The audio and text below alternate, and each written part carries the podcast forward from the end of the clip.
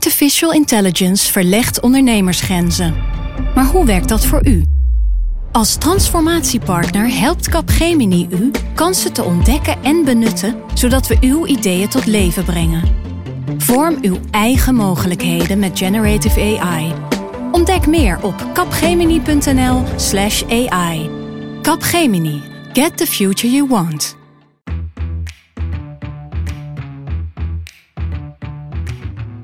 Mijn naam is Lemia Harwai en dit is Haagse Zaken. Nou, mocht je je vervelen, lees dan vooral bijlage B van het OVV-rapport. Want daar staan echt de juicy details in. Geen enkele minister moet zijn positie belangrijker maken dan wat hier speelt. zijn mannen. Het is eh, allemaal vreselijk, dramatisch, afschuwelijk. Maar we gaan hier gewoon loyaal aan meewerken.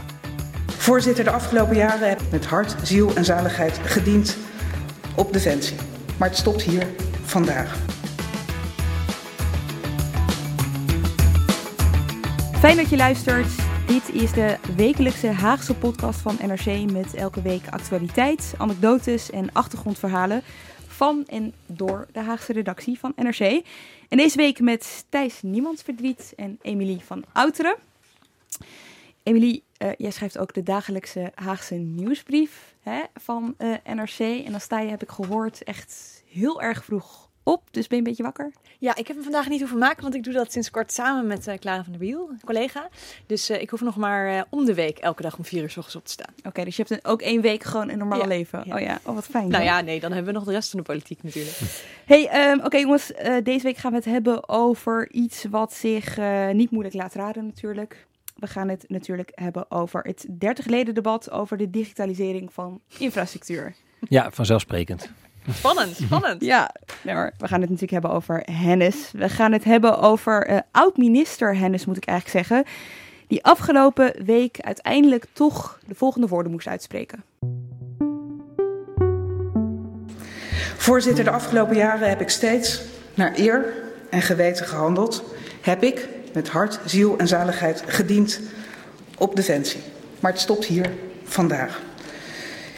Ik stop als minister van Defensie. En ik zal zijn majesteit de koning dan ook verzoeken om mij met onmiddellijke ingang ontslag te verlenen. Dit zei Hennis dus na een debat dat uh, vijf uur duurde. Um, en in dat debat moest zij zich verantwoorden over een echt snoeihard rapport van de Onderzoeksraad voor Veiligheid. Over een mortiergeval in Mali, waar dus twee doden en één gewonde militair bij vielen vorig jaar.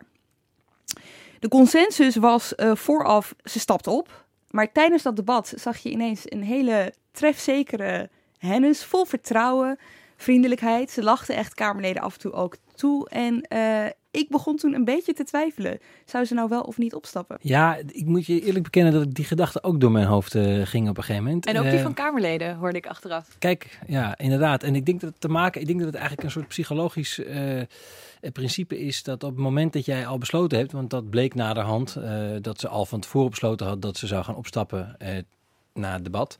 Um, uh, dat je dan eigenlijk vrijer en losser en autonomer bent als, uh, uh, als bewindspersoon, omdat je niks meer te verliezen hebt. en tegelijkertijd wilde Hennis heel duidelijk, dat maakte ze ook duidelijk, wel haar, zichzelf verdedigen, haar organisatie verdedigen. En die combinatie maakte dat er inderdaad een vrij felle uh, en, en scherpe hennis stond. Hetzelfde zag je overigens ook bij het aftreden van de vorige bewindspersoon die, die uh, vertrok bij Art van de Steur. In februari was dat. Die ging ook uh, weg met een, met een heel sterk debat. Ik denk ook dat, dat zowel justitie als defensie er daarom ook wat positief op terugkijken. Omdat hij, Art van de Steur, verdedigt natuurlijk meer zichzelf, zijn eigen handelen. Maar Hennis ging wel heel erg voor defensie staan. En zei ook wat er volgens haar niet deugt aan het OVV-rapport. Terwijl als zij had willen blijven, dan had ze deemoedig met haar pootjes omhoog op de rug moeten gaan liggen. En moeten zeggen dat alles, dat ze alles overnam en alles accepteerde en alles mis was bij die organisatie. En nu, Klaas Dijkhoff neemt het tijdelijk van haar over. En over een paar weken zit daar een nieuwe winstpersoon. Die kan wel ook, denk ik, beter door dan ja, als dit nog een heel gevecht was geweest om haar aftreden. Maar je zegt Kamerleden dachten ook dat Ja, ik sprak achteraf wat, uh, wat Kamerleden die halverwege het debat zoiets hadden van... nou, wat ze, wil ze nou toch blijven? Omdat ze dingen aankondigden, maatregelen, maar ook zei... ja, dan ga ik volgende week naar de nabestaanden en dan ga ik dit en dan ga ik... Ze praten over zichzelf alsof ze nog een hele toekomst voor zich had op dat ministerie. Ja, je hebt dat uh, debat gevolgd vanaf de publieke tribune, vertelde je me uh, net. Uh, zaten daar, zat daar steun? Want achter haar zat Vakka was gewoon helemaal leeg. Ze stond echt helemaal in haar eentje. Vond ze die steun wel daar op de publieke tribune? Zaten daar militairen? Daar zaten militairen, maar dat betekent niet per definitie steun voor de minister van Defensie. ik sprak er een aantal en die waren wel, wel heel kritisch over haar. En vonden ook dat ze moest aftreden. Maar, en dat, dat besef bestaat hoop ik bij zowel de Tweede Kamer als bij Defensie als bij het volgende kabinet. Dat OVV-rapport geeft zoveel problemen aan. Die zijn niet opgelost door het feit dat Janine Hennis dinsdag opstapte. Maar dat, en ook de commandant der strijdkrachten zijn functie neerlegde. Dat, dat gaat echt nog wel een tijd duren voordat die problemen, structurele problemen die er zijn, opgelost kunnen worden. Ja, soms helpt het hè, als iemand opstapt. Gewoon als het poppetje weg is. Om het daarna moet. Ik bedoel, de, er zijn niet veel simpelere gevallen van uh, waar de politieke verantwoordelijkheid maakt dat een bewindspersoon moet aftreden. Er zijn twee dode gevallen. Dat is, eigenlijk was het al vanaf vorige week, het moment dat dat rapport er was, was het duidelijk, deze minister moet weg. Het feit dat ze al demissionair was, nog zo'n politieke carrière voor zich leek of lijkt te hebben, gaven er heel veel extra dramatiek aan. Maar de feiten aan zich van dat OVV-rapport waren natuurlijk in elke omstandigheid voldoende om een minister te dwingen af te treden. Je kreeg wel de indruk dat, dat ongeveer iedereen dat meteen zag toen het rapport publiek werd, maar dat het bij hen zelf nog even moest indalen, dat besef. Maar die had het rapport ook al vijf maanden lang. Ja, 26 juni heeft Defensie dat rapport gekregen en die hadden er dan een maand om erop te reageren. Uh, en dat is, nou, mocht je je vervelen, lees dan vooral bijlage B van het OVV-rapport, want daar staan echt de juicy details in. Um, Defensie weerspreekt op 72 punten de bevindingen van de OVV. En de meest absurde is, voor context, het, het ongeval is gebeurd met een mortiergranaat die in 2006 van een Bulgaarse fabrikant is gekocht. Al in 2006 meldt een munitietechnicus van Defensie zelf rommel. Dat spul deugt niet, we moeten dit niet gebruiken. Gebeurt toch. Het wordt vrijgegeven, zoals het bij Defensie heet. In Afghanistan gebruikt. Nu denk je een wonder dat het daar goed gegaan is. Uiteindelijk, granaten die, die in Nederland waren gebleven, zijn later naar Mali gestuurd. En daar gaat het uiteindelijk mis. Ook door de omstandigheid waaronder die granaten gebruikt worden. Goed, de munitietechnicus heeft de OVV getraceerd. Die geeft al aan in 2006: dit spul is onbruikbaar, moeten we niet gebruiken. De reactie van Defensie daarop is: ja, dat kan wel zo zijn, maar die munitietechnicus die gaf aan in hokje 23 het was onbruikbaar, maar hij had moeten zeggen in hokje 35, hij had op het formulier in hokje 35 moeten invullen uh, dat het ongeschikt was. Bureaucratische shizzle. Als dus dat als dat is dus de reden, redenering van Defensie. Ja, dan, dan begrijp je echt niet waar dit rapport over gaat. En dan is het opnieuw een wonder dat er niet meer ongelukken gebeuren. Toen zij in juni dat rapport kregen, uh, ten eerste dachten ze, nou, iets van die 72 correctie van ons krijgen we er nog wel door. En zij hadden niet uh, de aanbevelingen, de conclusies, de beschouwing en het persbericht. En daar is de is, daar staan geen nieuwe feiten in, maar daar staan teksten in als ernstige tekortkomingen, uh, zorg en veiligheid van militairen ondergeschikt gemaakt aan missies.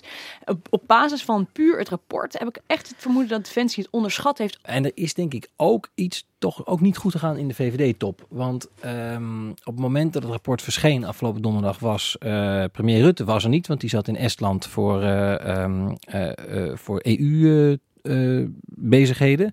Uh, Halbe Zelstra zat aan de formatietafel in de stadhouderskamer uh, druk bezig eindelijk eens een keer het regeerakkoord af te maken. en eigenlijk was alleen Klaas Dijkhoff in de buurt om Hennis te, te, te, te, te ondersteunen. Die was ook bij de ministerraad die vrijdag. Um, en je zou toch zeggen dat als je als partij helemaal aanvoelt dat hier iets heel vervelends aan zit te komen, zeker voor zo'n belangrijk iemand voor de VVD als Hennis, dat je dan je verdedigingslinies wat beter op orde hebt. En dat je ook had voorkomen, of in ieder geval met elkaar besproken, dat je niet met zo'n vreselijk platitude aankomt zetten als ik ga optreden en niet aftreden. Wat door haarzelf in inmiddels in het debat gisteren ook gewoon tenenkrommend genoemd werd. Goed, kun je me vertellen in, in hoeverre weet een minister af van zo'n rapport en uh, van uh, wat er aan veranderd wordt? Ja. De OVV kan zelf besluiten om een onderzoek in te stellen. Uh, dat, die onderzoekt kwesties die raken aan onze veiligheid. Als er iets vreselijk misgaat, de MA17, dat soort dingen onderzoeken zij. Dat was hier ook het geval. En de OVV besluit ook zelf wanneer zij publiceren. Niet dat Defensie daardoor verrast was. Ze kregen het ook, de definitieve versie, wel een dag van tevoren. Maar uh, de OVV gaat daarover. En um, Janine Hennis kreeg, Defensie kreeg op 26 juni dat rapport. Toen heeft Hennis het zelf gelezen. Ik heb haar daar ook vorige week even over gesproken. En ze zei dat ze toen wel honderdduizend vragen had over hoe kon dit gebeuren? Wat is daar misgegaan? Hoe zit dit? Dat is, ook heel tekenend voor haar ministerschap. En dat maakt ook wrang dat ze op zoiets moet aftreden. Dat zij heel erg geprobeerd heeft om meer informatie uit die organisatie los te schudden. Want militairen praten liever niet over de dingen die ze niet kunnen. En liever over de dingen die ze wel kunnen. En het is natuurlijk heel erg aan haar, ook in haar informatiepositie naar de Kamer toe, om juist ook te weten wat er niet werkt bij die club. Um, dus dat heeft ze opnieuw hier ook gedaan. Defensie heeft netjes binnen één maand die daarvoor staat. Ze hadden verlenging aan kunnen vragen. Op die manier vertragen hebben ze niet gedaan. Binnen één maand hebben zij hun correcties tussen aanhalingstekens uh, doorgestuurd. Dat waren dus inderdaad 72. Um, ehm, de OVV heeft daar in de definitieve versie weer op gereageerd. En er was er één waarvan ze zeiden, nou oké, dat halen we weg uit het rapport. De andere 71, uh, echt heel raak zetten ze Defensie op hun plek. Maar was dat iets ze... essentieels wat ze eruit nee, hebben Nee, dat was gewoon, de, de OVV zegt alleen maar die zin is weggevallen. Okay. Alsof ze dat ook zelf in de eindredactie al geschrapt hadden. uh, dus zij weet dat in juni dan uh, vraagt, dat is ook wel weer echt zo illustratief schrijnend voor dit voorbeeld. Dan vraagt Defensie, de OVV, zouden jullie nog een keer naar Mali willen gaan om die granaten zelf te onderzoeken, wat daar nou mis mee is. Dus onderzoekers van de OVV gaan naar Mali, daar kom je niet zomaar, hoofdstad Bamako, naar die uh, outpost die ze daar hebben in het noorden van Mali. Daar aangekomen blijken de granaten verdwenen. Die 66 mm mortiergranaten bij het mis gaan zijn kwijt. Dus onderzoekers komen onverrichte zaken terug naar Nederland. En dan komt Defensie erachter dat waarschijnlijk alle granaten, maar ze dus niet voor, ze zijn niet allemaal in het administratiesysteem terug te vinden. Waarschijnlijk alle granaten in het najaar van 2016 zijn vernietigd. Oké, wacht even. Hoe kan dit? Ja, is er, dat is dus... Wordt er gecommuniceerd überhaupt? Hebben ze daar mailadressen? Het is, ik, dit was ook voor... Je zag het, je, zag, je ziet aan gezichten bij de Defensie hoe gênant ze dit vinden. Dat ze dus in hun medewerking met het OVV-onderzoek eigenlijk de OVV alleen nog maar verder gelijk geven in de wantoestand die ja, daar dat klinkt heel sympathiek. Kom maar kijken. Klinkt super transparant, weet je wel. En dan gaan ze kijken en dan vinden ze ze ja. niet. Chibi Jousen van de OVV vertelde mij uh, donderdag dat nog steeds uh, in het administratiesysteem niet al die granaten gevonden zijn. Het kan dat ze nog ergens rondslingeren, om het maar even heel plat te zeggen. En dat is natuurlijk vreselijk bij zulke gevaarlijke wapens die ook nog eens niet deugen. Maar goed, dus daar, maar daarna heeft de OVV dus zijn definitieve conclusies geschreven, al dat soort dingen gedaan. Dus het exacte moment van publicatie, één, wist ook Defensie niet tot, uh, tot recent. En twee, ja, het feit dat ze dus Hennis haar eigen partij onvoldoende heeft geïnformeerd en door coalitiegenoot. En dat natuurlijk al de formerende partijen, voor wie dit ook heel belangrijk is, er ook niets van wisten. Uh, en ook de manier waarop haar reactie niet, niet aftreden, maar optreden was voorbereid. Touwtje, zeg maar, de, de knulligheid daarvan uh, ja, doet mij toch vermoeden dat het vooral een kwestie van een hele verkeerde inschatting was van de zwaarte van dit rapport. Ja, want ze heeft het dus veel eerder gehad. Nogmaals, ze had er eerder naar kunnen kijken. Ze had eerder een reactie kunnen formuleren. En toch reageerde ze als volgt bij de NOS. Ik voel me verantwoordelijk, dat heb ik net ook uh, gezegd. U suggereert aftreden, uh, proef ik in uw woorden. Um, ik weet niet of dat iets oplost. Het draait ook de aanschaf van de munitie in het jaar 2006 niet terug. En toen kwam daar RTL met een bijna nog pijnlijker fragment. Maar dan gewoon maar de simpele vraag. Op het moment van het incident waren de omstandigheden waarin deze militairen moesten werken in Mali veilig of niet? Op basis van de informatie die op dat moment tot onze beschikking stond, waren wij van mening dat de omstandigheden um, uh, voldoende veilig waren voor de, voor, voor, voor de militairen. Nu weten we dat dat dus niet klopt.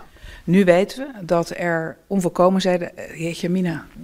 Dit is, jij ja, vraagt door, maar dit is. Dit ja. is, dit is ja, maar die ja. vraag of de munitie en granaat. Die... Nee, maar, nee, maar ik vraag of het veilig was. Dat is gewoon een hele simpele vraag. Ja, dat, dat ja. Daar gaat het om. Nee, nee, nee, maar dat snap ik. Nee, nee, nee, dat, dat klopt. Ik zit in, te veel, in te veel details inmiddels, maar goed, okay. ga verder.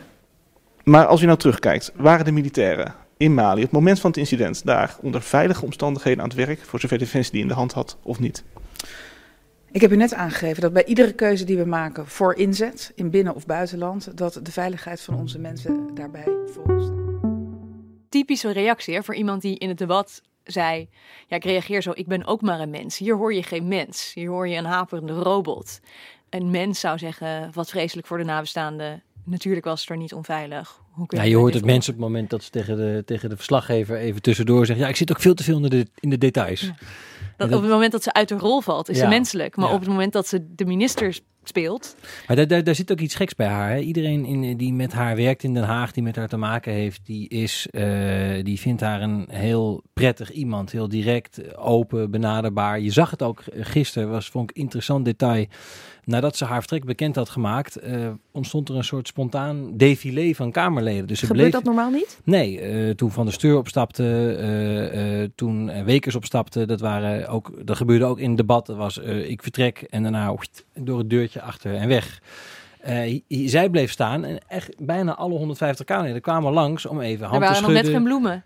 Uh, knuffel, kus. Uh, je zag hier aan, dit is een politica die onder haar collega's heel erg geliefd is. Uh, tegelijkertijd heeft Hennis, um, op het moment dat ze dus voor de camera verschijnt of echt uh, um, uh, of, of, in vak K staat, kan ze iets totaal verkrampt krijgen. En heel erg op de details, heel technisch. Heel, bang om fouten te maken. bang om fouten te maken. En eigenlijk de ironie is een beetje, de wrange ironie is dat dat met name in het begin van haar ministerschap zo was. Dat ze juist in de tweede helft van haar ministerschap ontspannender leek te worden eigenlijk. meer de materie beheerste, wat goed lachser werd. En dat we, wat we hier horen is eigenlijk gewoon weer de hennis van, uh, van haar eerste ambtsjaar. Ja, en wat we in het debat van haar aftreden weer zien, is juist wel dat ze het ook ontspannen, ad rem en nou, voor zo'n vreselijk debat bijna met, met vrolijkheid kan doen. Ja, en toch um, is zij nou, is zij nou zo uh, doorgetraind door haar woordvoerders? Moet ik het zo zien? Hè? Ook zo'n zo'n zo'n zo'n interview waarin ze dan op een gegeven moment zelf zegt: Ja, ik zie het eigenlijk zelf, uh, ik zie het zelf ook niet meer, want het zijn te veel details. Of is ze gewoon heel bang om het verkeerd te doen? Wat, wat, wat zit allebei? Dat zit er allebei in. Het zit in haar, uh, het zit in haar uh, karakter. Toen ze ook bij Defensie kwam, uh, had ze natuurlijk geen enkele bestuurservaring. Ze kende de organisatie niet. niet. Ze wist niet meer van uh, militair zijn dan ik geloof een ver familielid dat ooit gevaren had en dat ze een keer in NRC Handelsblad had geposeerd in een militair uniform. Uh, en dus Waarom was dat? Ja, dat was een serie die we hadden uh, over de droombaan uh, met, met toen kandidaat Kamerleden. Zij gaf toen in 2012 aan dat het haar droombaan was. Ik, ik meen om op een tank te rijden. Dus de, de, dat, dat was dan een soort rollenspel waarbij de fotograaf haar aankleden en bij een, ik denk, panzervoertuig een hele mooie foto had gemaakt. Um, en dat werd toch wel een beetje gezien als een sollicitatiebrief richting Rutte van Mark, denk aan mij voor Defensie. En dat, en dat kreeg ze vervolgens ook. Uh, maar goed, haar ervaring was natuurlijk heel, heel beperkt. Dus ze, was heel, ze wilde heel graag alle details beheersen. En Defensie is een heel lastig ministerie. Daar gaan niet veel bewindspersonen hangen, houden het daar lang vol. Er werken 55.000 mensen die elke dag fouten kunnen maken. Waar je als minister voor verantwoordelijk bent. Dat is echt iets anders dan een minister van uh, Onderwijs of Financiën. Dus ze, ze, ze is daarin heel erg voorzichtig geweest. En het is ook een, een van nature gesloten organisatie die graag naar buiten wat sterker overkomt dan er na alle bezuinigingen nog aan kracht is. Um, en wat ook hier speelt, is uh, rechtszaken. Defensie heeft de afgelopen jaren een paar belangrijke zaken gewonnen. Srebrenica, Rawagede, maar ook recentere uh, Dutchbed-veteranen of andere getraumatiseerde uh, militairen of nabestaanden. Op het moment dat je als minister zegt, het spijt me of wij zijn hier schuldig aan, uh, kan dat ook gewoon voor de staat financiële consequenties hebben. En dat maakt natuurlijk de woordvoerders, maar ook de minister geeft dat nog weer een extra laag van voor de buitenstaander krampachtige voorzichtigheid. Ja, je zag het in het debat gisteren ook, hè? dat ze heel erg. Uh, ze zei op een gegeven moment ook expliciet: Ik volg hier de formulering van de OVV. Hè? En ja. toen kwam er, uh, kwamen er zinnen uit als. Omissies in de zorg voor de veiligheid van munitie hebben de context geschapen waarin dit incident heeft kunnen plaatsvinden. Ja, en dat is dus waar de OVV gewoon zegt: er zijn fouten gemaakt, daardoor is dit ongeluk gebeurd. Komt zij met dit soort juridisch gewauwel, omdat daar geen schuldbekentenis in zit. Maar goed, ze heeft de afgelopen jaren natuurlijk wel een beetje kunnen oefenen in die debatten. Eh, ze heeft ervaring daarmee. Bijvoorbeeld die over het Gromwerf, daar had ze het ook heel zwaar. En toen zij begon op het ministerie van Defensie, toen was er al van alles mis. Ze moest het ook helemaal alleen doen, zonder staatssecretaris. Dus dat, ze heeft daar echt wel moeten leren zwemmen. Zoals ze dat zelf van uh, omschreven heeft, als ze dat van Henk Kamp geleerd heeft. Dat je als nieuwe minister begint met water trappelen. En na een tijdje blijf je drijven. En bij haar duurde dat drijven gewoon vrij lang. Het duurde vrij lang voordat ze bleef drijven. Um, en elke keer als ze weer met een schandaal geconfronteerd werd. We hebben giftige chroomverf gehad. We hebben een ICT-affaire gehad. We hebben Plasterk gehad, die uh, met staatsgeheimen begon te strooien. Um, al, die, al die situaties, dan werd ze eigenlijk weer onder water geduwd. Dan kon ze weer ja, echt deels Ja. weer opnieuw beginnen. En eindelijk leek ze te zwemmen. Ze heeft alles Eindelijk overleefd. leek ze ja, richting vijf jaar defensie. Dat, dat is lang geleden dat de minister van Defensie zo lang heeft gezeten. Ik geloof dat we terug moeten tot de jaren 50. En toch op het allerlaatste moment ehm redt ze het dan niet om iets wat, wat wel echt onder haar verantwoordelijkheid gebeurd is hoor. Die wapens inkoop in 2006 natuurlijk niet. Maar dat die munitie meeging naar Mali en dat de zorg in die missie niet goed geregeld was, is wel echt onder haar verantwoordelijkheid gebeurd. Ik vind dat altijd heel eh, ingewikkeld als buitenstaander onder haar verantwoordelijkheid. Want zij is natuurlijk verantwoordelijk voor heel veel op zo'n ministerie. Natuurlijk leest zij niet alles. Dat kan gewoon niet, lijkt mij. Er moeten toch mensen zijn die voor haar filteren of die haar dingen vertellen. Dus het op haar bureau leggen met een eigen samenvatting erbij van dit staat hierin, dit moet je wel lezen, dit moet je niet eh, lezen. Kun je, kun je ons meenemen hoe dat werkt? Nou, dat is het gevaar. Ik ben nog bezig met een, eh, met een ander artikel over weet je, wat moet er nou echt veranderen bij Defensie om daar weer een gezonde organisatie van te eh, maken. En iemand vertelde dat eh, Defensie is juist een organisatie die zegt heel erg te willen leren van zijn fouten. En daar worden de hele tijd zijn allerlei procedures en rapportages en weet ik veel wat. En dan wordt er op het laagste niveau, op de werkvloer, wordt er gezegd. Oké, we hebben niet de juiste spullen, we hebben niet de juiste mensen, het kan zo niet verder. Dat komt dan op het bureau van het eerste commandantje. Die herschrijft dat, die streept wat weg en die zegt ja, er zijn wel ernstige problemen. Dan komt het nog een treetje hoger bij het volgende commandantje. En die schrijft dan ja, eh, ja, er zijn wel wat dingen die niet helemaal... En tegen de tijd dat het de minister bereikt, staat er eigenlijk gaat bijna alles goed. Een soort zelfcensuur ook in die organisatie. Om maar de hele tijd eh, de, de can-do mentaliteit noemen ze dat. Eh, niet, niet praten over wat je niet kan, maar over wat je wel kan. Waardoor die minister ook gewoon niet alles te weten komt. Daar niet echt grip op krijgt. Maar er inderdaad, als het misgaat, wel voor verantwoordelijk is. Het is ook een, het is een combinatie met een, met een ander interessant verschijnsel. Dat die militairen natuurlijk ongelooflijk loyale mensen zijn. Hè? Dat, merk, dat merk je aan alles. Dat is gewoon dat is hoe zij functioneren. Ze kunnen alleen functioneren als ze gewoon doen wat ze gezegd wordt. Want anders eh, eh, win je de oorlog niet. En in feite is dat, dat is ook het grote verhaal wat hierachter zit van die grote bezuinigingen op defensie in de afgelopen jaren. Er is eigenlijk geen ministerie geweest in Den Haag waar je zo makkelijk op kon bezuinigen als kabinet als, eh, als ministerie van Defensie. Want die mensen gingen gewoon vrijwillig en loyaal meewerken aan eh, Die, zichzelf. het, Malieveld, zichzelf. het Malieveld stroomde Nee. niet vol. Eh, ze staken niet, ze mogen niet eens staken. eh, eh, maar ze, Ze zijn, mogen niet staken? ja, er is geen, er is een, er is geen militairen hebben geen stakingsrecht. In geval eh, van oorlog. ja. Ja. Ah, Dus, dus ze hebben dus, eh, eh, nou ja, en verder, ze vinden het vreselijk, maar ze, maar ze werken mee. En in zekere zin zou je kunnen zeggen dat de, dat de politiek daar eigenlijk ook een beetje misbruik van gemaakt heeft. Hè? Kabinet na kabinet van, nou hop, weer even een paar honderd miljoen eraf, even een half miljard, weer een miljard. Want dat gaat toch geruisloos als je gaat bezuinigen op, op uitkeringen of op de zorg. Dan heb je voor het weten allemaal gedonder, maatschappelijke discussie, Malieveld vol en defensie gaat gewoon. Ehm, een, een kennis van mij die, die heeft veel publieke sessies geleid met militairen op het moment dat, eh, dat er de grote vorige bezuinigingsronde werd ingezet.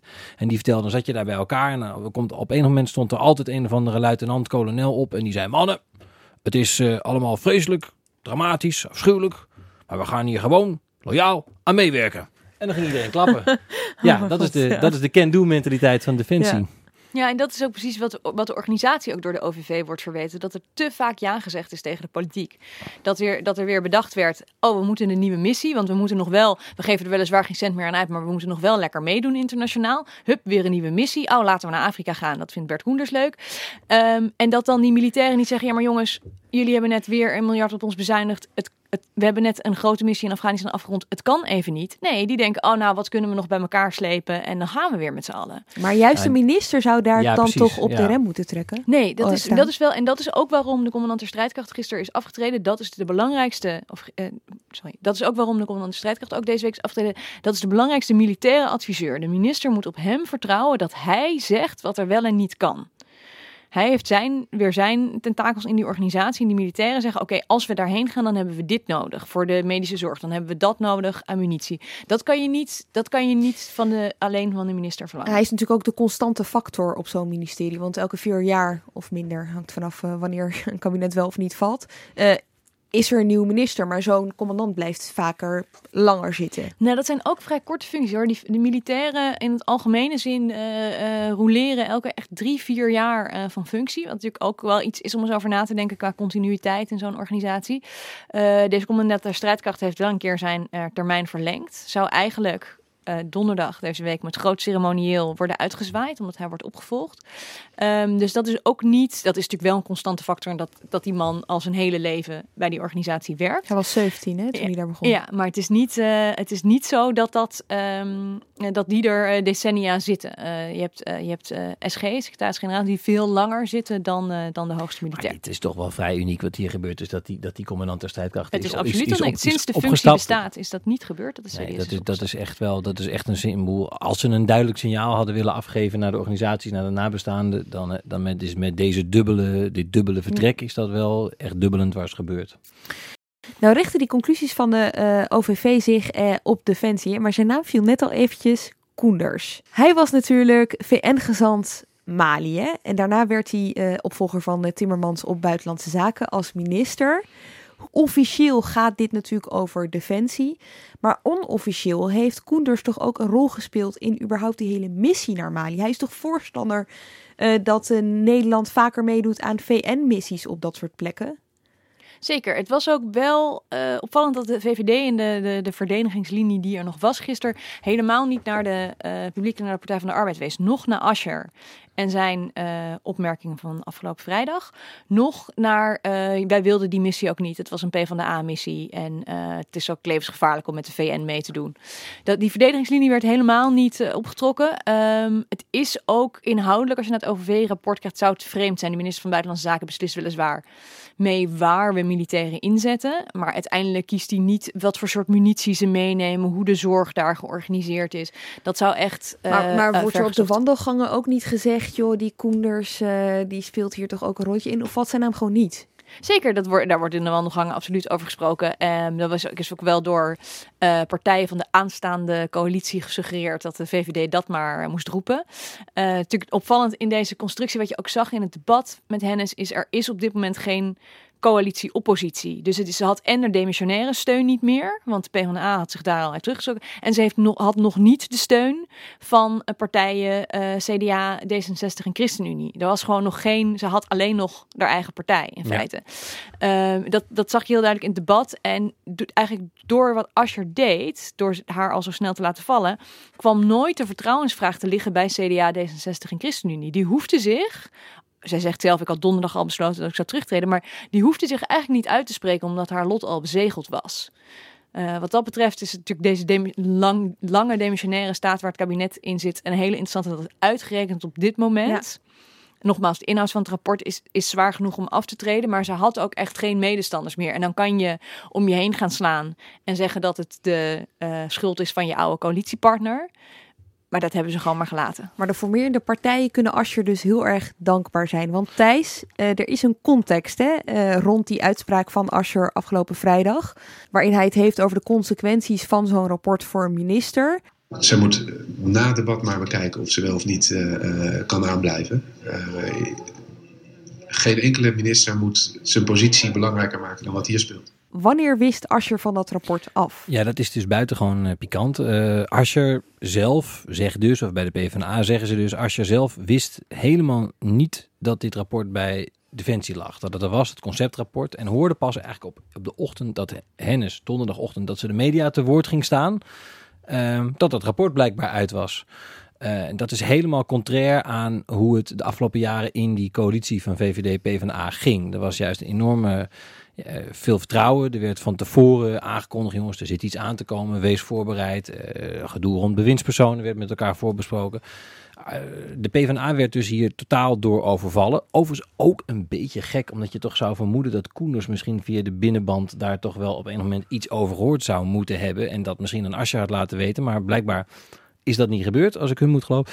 Dus het zou een rol kunnen gespeeld kunnen hebben in de manier hoe hij uiteindelijk uh, reageerde. Het feit, het feit, nou ja, wraak is dan weer zo kort door de bocht, maar het, het kan wel de heftigheid van zijn statement op vrijdag beïnvloed hebben. Uh, het feit dat hij hier volledig buiten gelaten was. Ja, hoe, hoe zit dat? Want die, die, die twee die zitten dus, uh, die hebben ministerraden bijgewoond, wekenlang.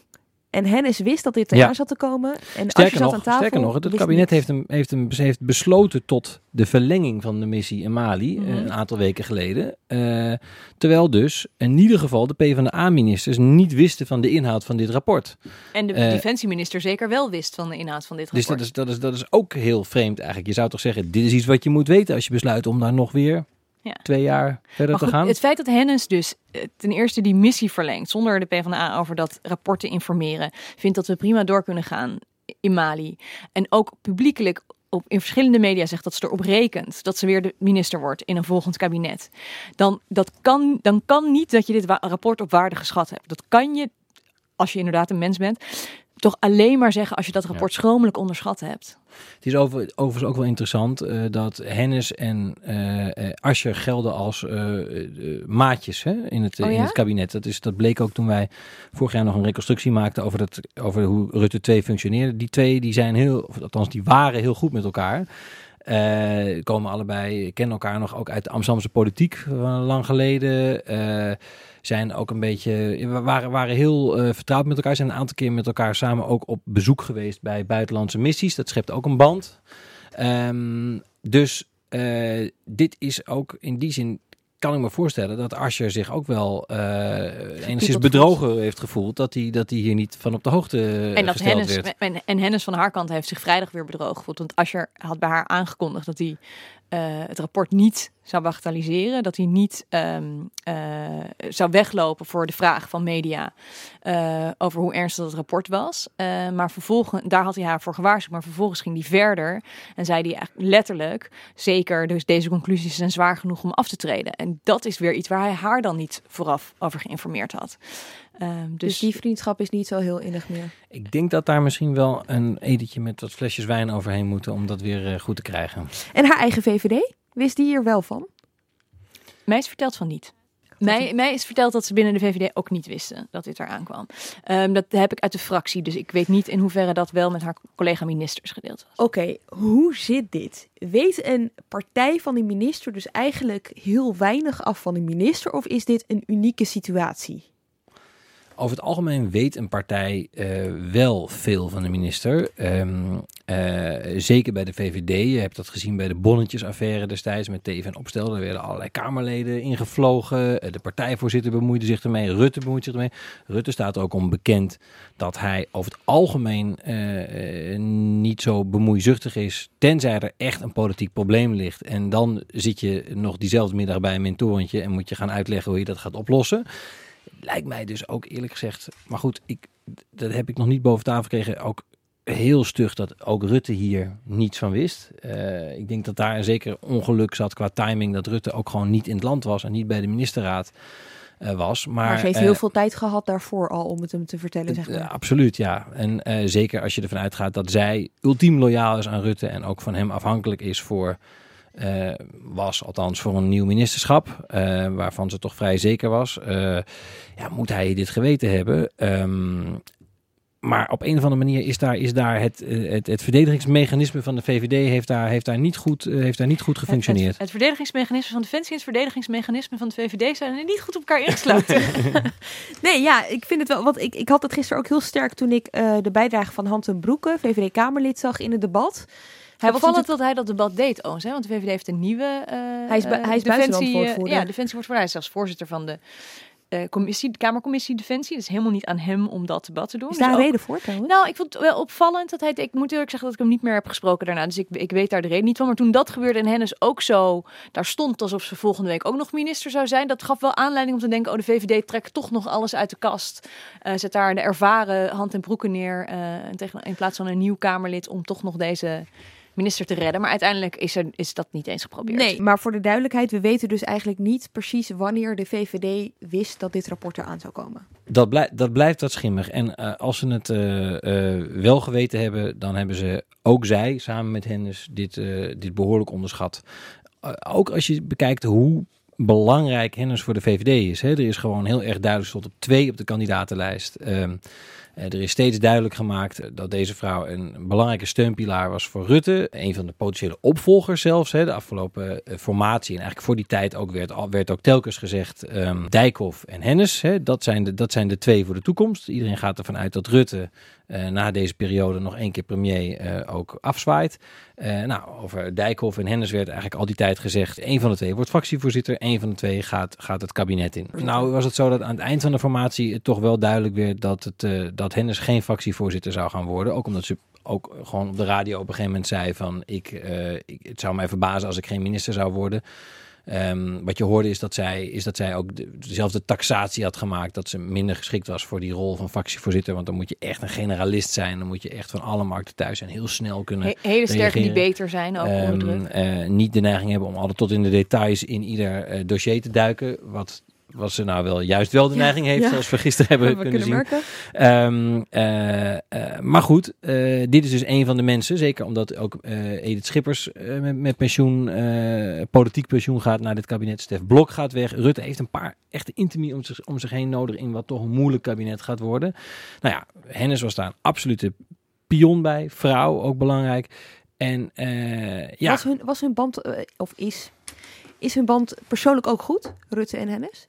Ja, absoluut. Die, die, die, die twee kunnen echt uh, lezen en schrijven. Hoewel Rutte altijd een zekere onthechtheid heeft ten opzichte van zelfs de mensen die, die in zijn nabijheid verkeren. Nou ja, hij is uh, gewend, want dit is, uh, Hennis is de vijfde die opstapt dit kabinet. Ja, op een nou, hij is veel, veel steunpilaar ook al kwijtgeraakt natuurlijk in dit kabinet. Ja. Ook een, ook een opstelte. Ja. Dat is ook iemand waar die echt een politieke leven op gebouwd heeft. Steeds meer mensen ontvallen hem wat dat betreft. Maar even, is dit een record?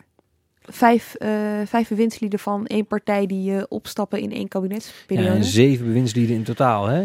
Ik, zou, ik zou het niet in één keer durven. Ik heb het niet paraat of het echt absoluut een record is. Maar het, het, ik denk dat het zeker in de, in de top drie van na de oorlog komt. Het is, echt, uh, het is echt ongekend veel. Ja, en ik kan me dus voorstellen dat dat bij de VVD voor extra paniek zorgde. Ook in aanloop naar dat debat. Want dit zou gewoon een vijfde zijn. Ja, je kan er niet omheen. Ja, behalve dat je uh, op een gegeven moment, hè, toen het zoals we net al tegen elkaar zeiden, toen het rapport verscheen, was duidelijk, die gaat. En uh, je zou bijna kunnen zeggen, dat, dat proeft hij ook een beetje vandaag als je mensen sprak uh, gisteravond. Er is bijna een soort, een soort, het is bijna een soort routine geworden voor de, voor de VVD. Daar gaat weer een bewindspersoon. Ja, uh, we, klappen, we klappen elkaar op de schouder en we, uh, we, gaan, we, ja, gaan, we gaan weer Thijs, verder. Voor de camera klappen ze elkaar misschien op de schouder. Maar hoe zit dat uh, op de fractiekamer van de VVD? Nee, je, je merkte vandaag wel dat ze daar, dat ze daar behoorlijk ook aangeslagen waren over, over wat er gebeurd is. Um, wat, wat een beetje, Rutte heeft heel goed gedaan bij de verkiezingen. Althans in de zin van dat hij de VVD toch weer de grootste gemaakt heeft. Wilders op afstand heeft gehouden. Dat, dat, dat verhult eigenlijk een beetje dat de VVD het al een hele tijd heel erg moeilijk heeft. Uh, ook de afgelopen weken waren we weer buitengewoon vervelend met het boek van Eibeltje Bergmoes over de, hoe de partijen, over de fractiecultuur, de machtspartij. Het, uh, de vorige aflevering Precies, uitgebreid ja. over gehad, kan je uh, terugluisteren? Die, um, en eigenlijk wordt steeds, dat was al duidelijk, maar dat zie je toch meer, hoezeer dat succes eigenlijk van de VVD hangt aan één persoon, Mark Rutte. Ongeveer iedereen om hem heen, die, die, die, die kukelt omver.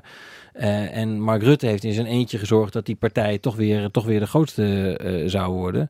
Maar goed, daar moeten we het misschien een andere keer over hebben. Maar dat doet, dat doet het ergste vrezen voor op het moment dat Rutte uh, inderdaad de politiek vaarwel zegt.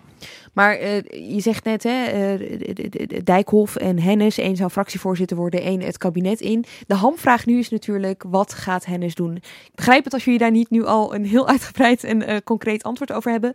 Maar is er wel wat over te zeggen over, ze blijft in de politiek of het is een het is een definitief vaarwel. Wat ik heel opvallend vond, is dat vorige week, echt meteen nadat dat rapport bekend werd, dat je in, in fracties die straks een nieuw kabinet moeten gaan steunen, allemaal suggesties hoorde over wat de VVD nu met Hennis moest doen. Uh, zo vertelde één iemand me, ja, nee, ze moet natuurlijk nu opstappen, maar ja, dat, dat betekent niks voor uh, of ze in een volgend kabinet kan terugkomen. Dat kan prima, de VVD draagt bewindslieden voor. Ja, daar, zeg, daar vinden wij eigenlijk niks van. Een ander zei, ja, dat, uh, nee, dat wordt natuurlijk wel lastig, weet je, 76 zetels, dan meteen beginnen met een kwetsbare minister, maar maak een lekker fractievoorzitter, vinden wij prima. Een hele vreemde en, en manier werd daar in gesprek met journalisten meegedacht met wat de VVD nog allemaal kon met Janine Hennis. Maar ik, ik hoor ze nu al bij Forum voor Democratie zeggen: partijkartel, dit is het bewijs. Ja, absoluut. En dat is natuurlijk gewoon eh, eh, de laatste keer dat, de min- dat een gevallen minister terugkeerde was Piet Hein Donner. Dat was tien jaar geleden. De tijden zijn echt veranderd sindsdien. Eh, we hebben nu Wilders, we hebben Forum voor Democratie. Eh, je maakt je natuurlijk heel erg kwetsbaar als iemand, ook in zo'n korte tijd. Hè? Want let wel, dat nieuwe kabinet dat staat over, een, laten we zeggen, een week of drie op het bordes. En hup, daar is mevrouw Hennis weer. Dus, du- du- dus, dus in die zin lijkt het bijna een, een, eh, li- li- lijkt het politiek gezien volkomen onlogisch om te doen. En toch is er een kans dat, dat Rutte de gok wel neemt. Zijn er aanwijzingen voor? Ehm, nog niet op deze korte termijn, maar het, het, het is wel zo dat, kijk, als Hennis wegvalt, valt een hele belangrijke steunpilaar weg. En er is ook zoiets als, wat ik maar even heel eh, lomp noem, het vrouwenprobleem. De algehele verwachting is toch dat dit kabinet met een toch flink meer aantal vrouwen moet, zal moeten gaan komen dan het vorige kabinet. Waarom? Eh, omdat daar heel veel kritiek op is geweest. ehm, dat, er, dat er gewoon te weinig vrouwelijke, vrouwelijke bewindslieden zijn. Ehm, andere partijen, in ieder geval D60, eh, lijkt ook met heel veel vrouwelijke bewindslieden te gaan komen. Ehm, Heb je al namen? Kun je, al kun je ons al een beetje warm maken met wat namen? Laten we het even bij Hennis houden. Dan gaan we een andere keer over namen speculeren. Maar ehm, nou, bijvoorbeeld een naam die rondgaat bij de, ik kan er één noemen, een naam die bij D60 rondgaat eh, eh, als minister van, mogelijk minister van Buitenlandse Zaken eh, of iets in die hoek zou zijn Sigrid Kaag, de onderhandelaar, de, de gezant voor, voor Syrië. Als ik het goed heb, heb ik- zeg ik dat goed? Ja, het was eerst Libanon en toen Syrië. Ja, Ehm, nou ja, dat is natuurlijk een, dat is een internationaal kanon. Nou ja, kijk, de VVD moet, moet daarin mee. Schippers is met pensioen. Melanie Schultz van Hagen, ehm, andere vrouw, bekende vrouwelijke VVD-minister, die houdt er ook mee op. Ehm, er wordt in het algemeen onderkend dat er in de fractie niet direct eh ministeriabel, eh, vrouwelijke ministeriabele kandidaten zitten. Compliment voor de fractie. eh, vrouwelijke complimenten voor de fractie, ja. maar, maar ze geven het zelf toe. En, ehm, en wat dan? Je moet toch iets? Ehm, dus daar zit, echt, daar, daar, daar, zit, daar zit echt een probleem eh, voor Rutte. Dus hij moet die ontzettende lastige afweging gaan maken. Eh, durft hij dit nog aan? Maar de, de vraag ligt ook bij haarzelf. Hè? Wil je zelf, ze is 44, ze kan nog alles doen wat ze wil. Wil je zelf, wil je jezelf zo kwetsbaar maken? Is je politieke carrière in deze fase zo belangrijk dat je nu hier moet zijn? Die afweging moet ze maken. Aan de andere kant, ze is ook gekozen als Kamerlid. Ehm, je kan ook, ze kan ook besluiten om de Kamer in te gaan als fractievoorzitter of anderszins. En daar eh, hiervan te bekomen. Kijk, het moet, het moet niet zo zijn. Eh, ook als je denkt dat het par- het partijkartel de grootste misdaad tegen de menselijkheid is.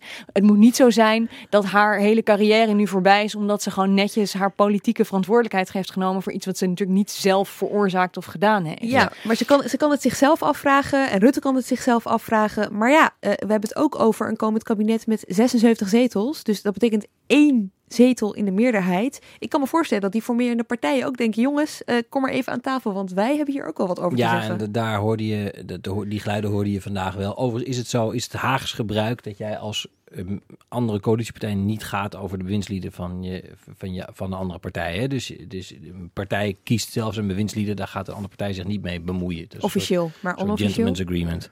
Ehm, maar eh, ze kunnen natuurlijk wel duidelijk maken aan Rutte dat ze dit buitengewoon eh onprettig vinden. En eh, je hoorde ook wel die geluiden bij een, tenminste één aanstaande coalitiepartij ehm, van "Mm, dit vinden wij toch niet een hele prettige gedachte.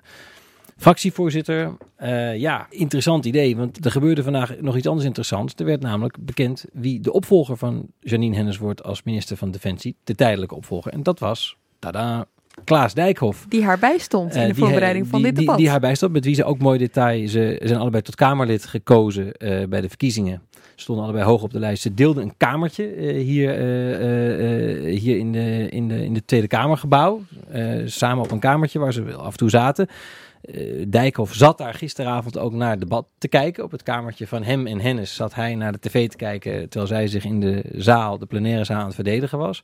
Ehm Dijkhoff eh, neemt nu honneurs waar. Eh, je zou dat kunnen zien, het is een beetje speculeren... maar toch op een voorsortering op van... oké, we gaan het toch weer omdraaien, dat plan... en we gaan toch Dijkhoff in het kabinet zetten... en Hennis maken we fractievoorzitter. Ja, Dijkhoff nu staatssecretaris, dan zou die drie weken minister zijn en dan weer terug naar de fractie. Dat is natuurlijk, kan ook een mooi opstapje zijn voor een echt ministerschap. Ja, bijvoorbeeld. Ja, ja.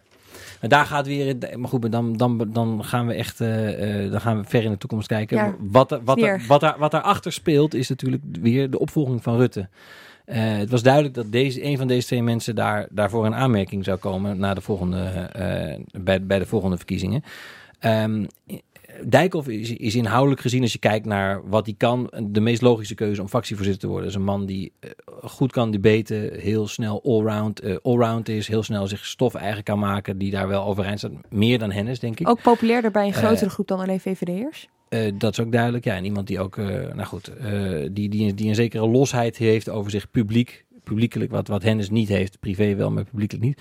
Ehm, eh, dus in die zin zou hij de meest logische kandidaat zijn. Aan de andere kant geldt de post als fractievoorzitter van de grootste regeringspartij. Dat, is, dat geldt als de ellendigste baan van, eh, van Den Haag. Waarin Waarom? je zo, ja, wat je daar moet doen, is eigenlijk permanent alleen maar de premier uit de wind houden. Je hebt Dat Halbe Zijlstra gezien de afgelopen vijf jaar. Stef Blok, de periode vreselijk. daarvoor. Je bent alleen... Maar die zijn allebei beloond daarna met Ja, een ze- ministerschap. Ja, ze zijn beloond met de ministerschap, maar ze zijn eh, allebei niet meer in de race om partijleider te worden. En je ziet wel, ja, je ziet het gewoon aan, je zag het aan Zijlstra, die moest vreselijke compromissen gaan verdedigen. Een derde steunpakket voor Griekenland, gezeik in de fractie, mensen eruit, Ja. mensen erin. Ja. Eh, Hoewel, dus- hoewel Dijkhoff ook, eh, ook populair is, hoor, is Hennis wel dat wat Thijs ook omschreef, hoe zij gisteren, hoe er gisteren afscheid van haar werd genomen. Zij is wel iemand die ook vrienden heeft in alle partijen, ook in de, ook in de drie partijen eh, waarmee de VVD nu moet gaan regeren. Dus nogmaals, het is, het, het is natuurlijk een hele vreemde figuur als zij binnen eh, nou, dagen een- of een maand eh, terugkeert als fractievoorzitter. Het, het zou voor die, voor die binding tussen die 76 zetels misschien helemaal niet de vreselijkste keus zijn. Oké, tot slot. Volgende week, maandag, dinsdag, woensdag, is er een regeerakkoord. Dan Ja. is er een week reces. De verwachting is dat er daarna, de week daarna, ergens een kabinet wordt ja, geformeerd. Dat betekent dus dat er nog 2,5 week is voor de VVD om hier een knoop over eh, door te hakken. Wat gaat er gebeuren? Gaan ze ergens zichzelf opsluiten in een huisje in Frankrijk om hierover te vergaderen? Ehm, wie spreekt wie? Valt daar iets over te zeggen? Nou, dit besluit zal vrij snel genomen moeten gaan worden. Want eh, kijk, eh, meestal is het zo dat op het moment dat het regeerakkoord bekend wordt gemaakt, is er ook in grote lijnen overeenstemming over de posten en ook wie ze gaan invullen. Eh, het kan zijn dat het deze keer anders dan anders loopt. Want we hebben ook eh, heel lang niet meer een coalitie met vier partijen gehad. Maar over het algemeen denk ik dat toch ergens rond in begin volgende week ook dat besluit moet vallen. Keert Hennis terug of niet? Over het algemeen, op het moment dat het regeerakkoord er is, ga je ook de namen horen. Ja, in ieder eh, geval, of wij ze nou al direct al niet de andere drie partijen zullen moeten weten wat de VVD van plan is met Janine Hennis voordat ze. Eh, het is een enorm ingewikkelde puzzel. Pechtold moet weten of hij moet laten weten of hij nou vicepremier wordt of in de fractie blijft. Hetzelfde geldt voor Buma. Nou, en die hele puzzel, eh, daar, daar zit ook Hennis in. En dus daar zal eigenlijk razendsnel in de komende dagen moet daar een besluit over genomen Volgende worden. week wordt de week. Ja, dat, is, dat, dat kunnen we inmiddels wel met enige zekerheid En, eh, zeggen. Kan ik jullie verleiden tot een gokje? Wat ze gaat doen? Ja, ik, ik denk dat ze uiteindelijk toch niet terugkeert. Helemaal Ehm, niet. Eh, eh, nee, ik denk dat ze haar zetel inneemt als Kamerlid. En dit is echt een wilde gok. Ik zeg het erbij. Het is vandaag woensdag. Pak het er even bij. Het is 4 oktober. het is vandaag woensdag 4 oktober. Eh, het zijn dagkoersen. Ik denk dat zij eh, wel haar zetel als Kamerlid in zal nemen. En dan na enige tijd misschien weg zal gaan. Geen minister wordt, geen fractievoorzitter. Emily? Ik vind het heel lastig. Ik denk ook niet dat zij nu meteen inderdaad een hele prominente rol gaat spelen in deze volgende coalitie. Maar ik zou het ook wel heel gek vinden als we niet meer van haar horen politiek. Kan niet wachten tot volgende week. Dank jullie wel, Emily van Outeren en Thijs Niemands Verdriet. Dank ook voor het luisteren. Eh, vergeet je vooral niet te abonneren op onze podcast, waar je ook eh, mogen luisteren. En de- deel het vooral. Hè. Deel het met zoveel mogelijk mensen, zodat eh, nog meer mensen kunnen luisteren. Laat een recensie achter. En ik zeg vooral, ik heb er nu al zin in. Tot volgende week.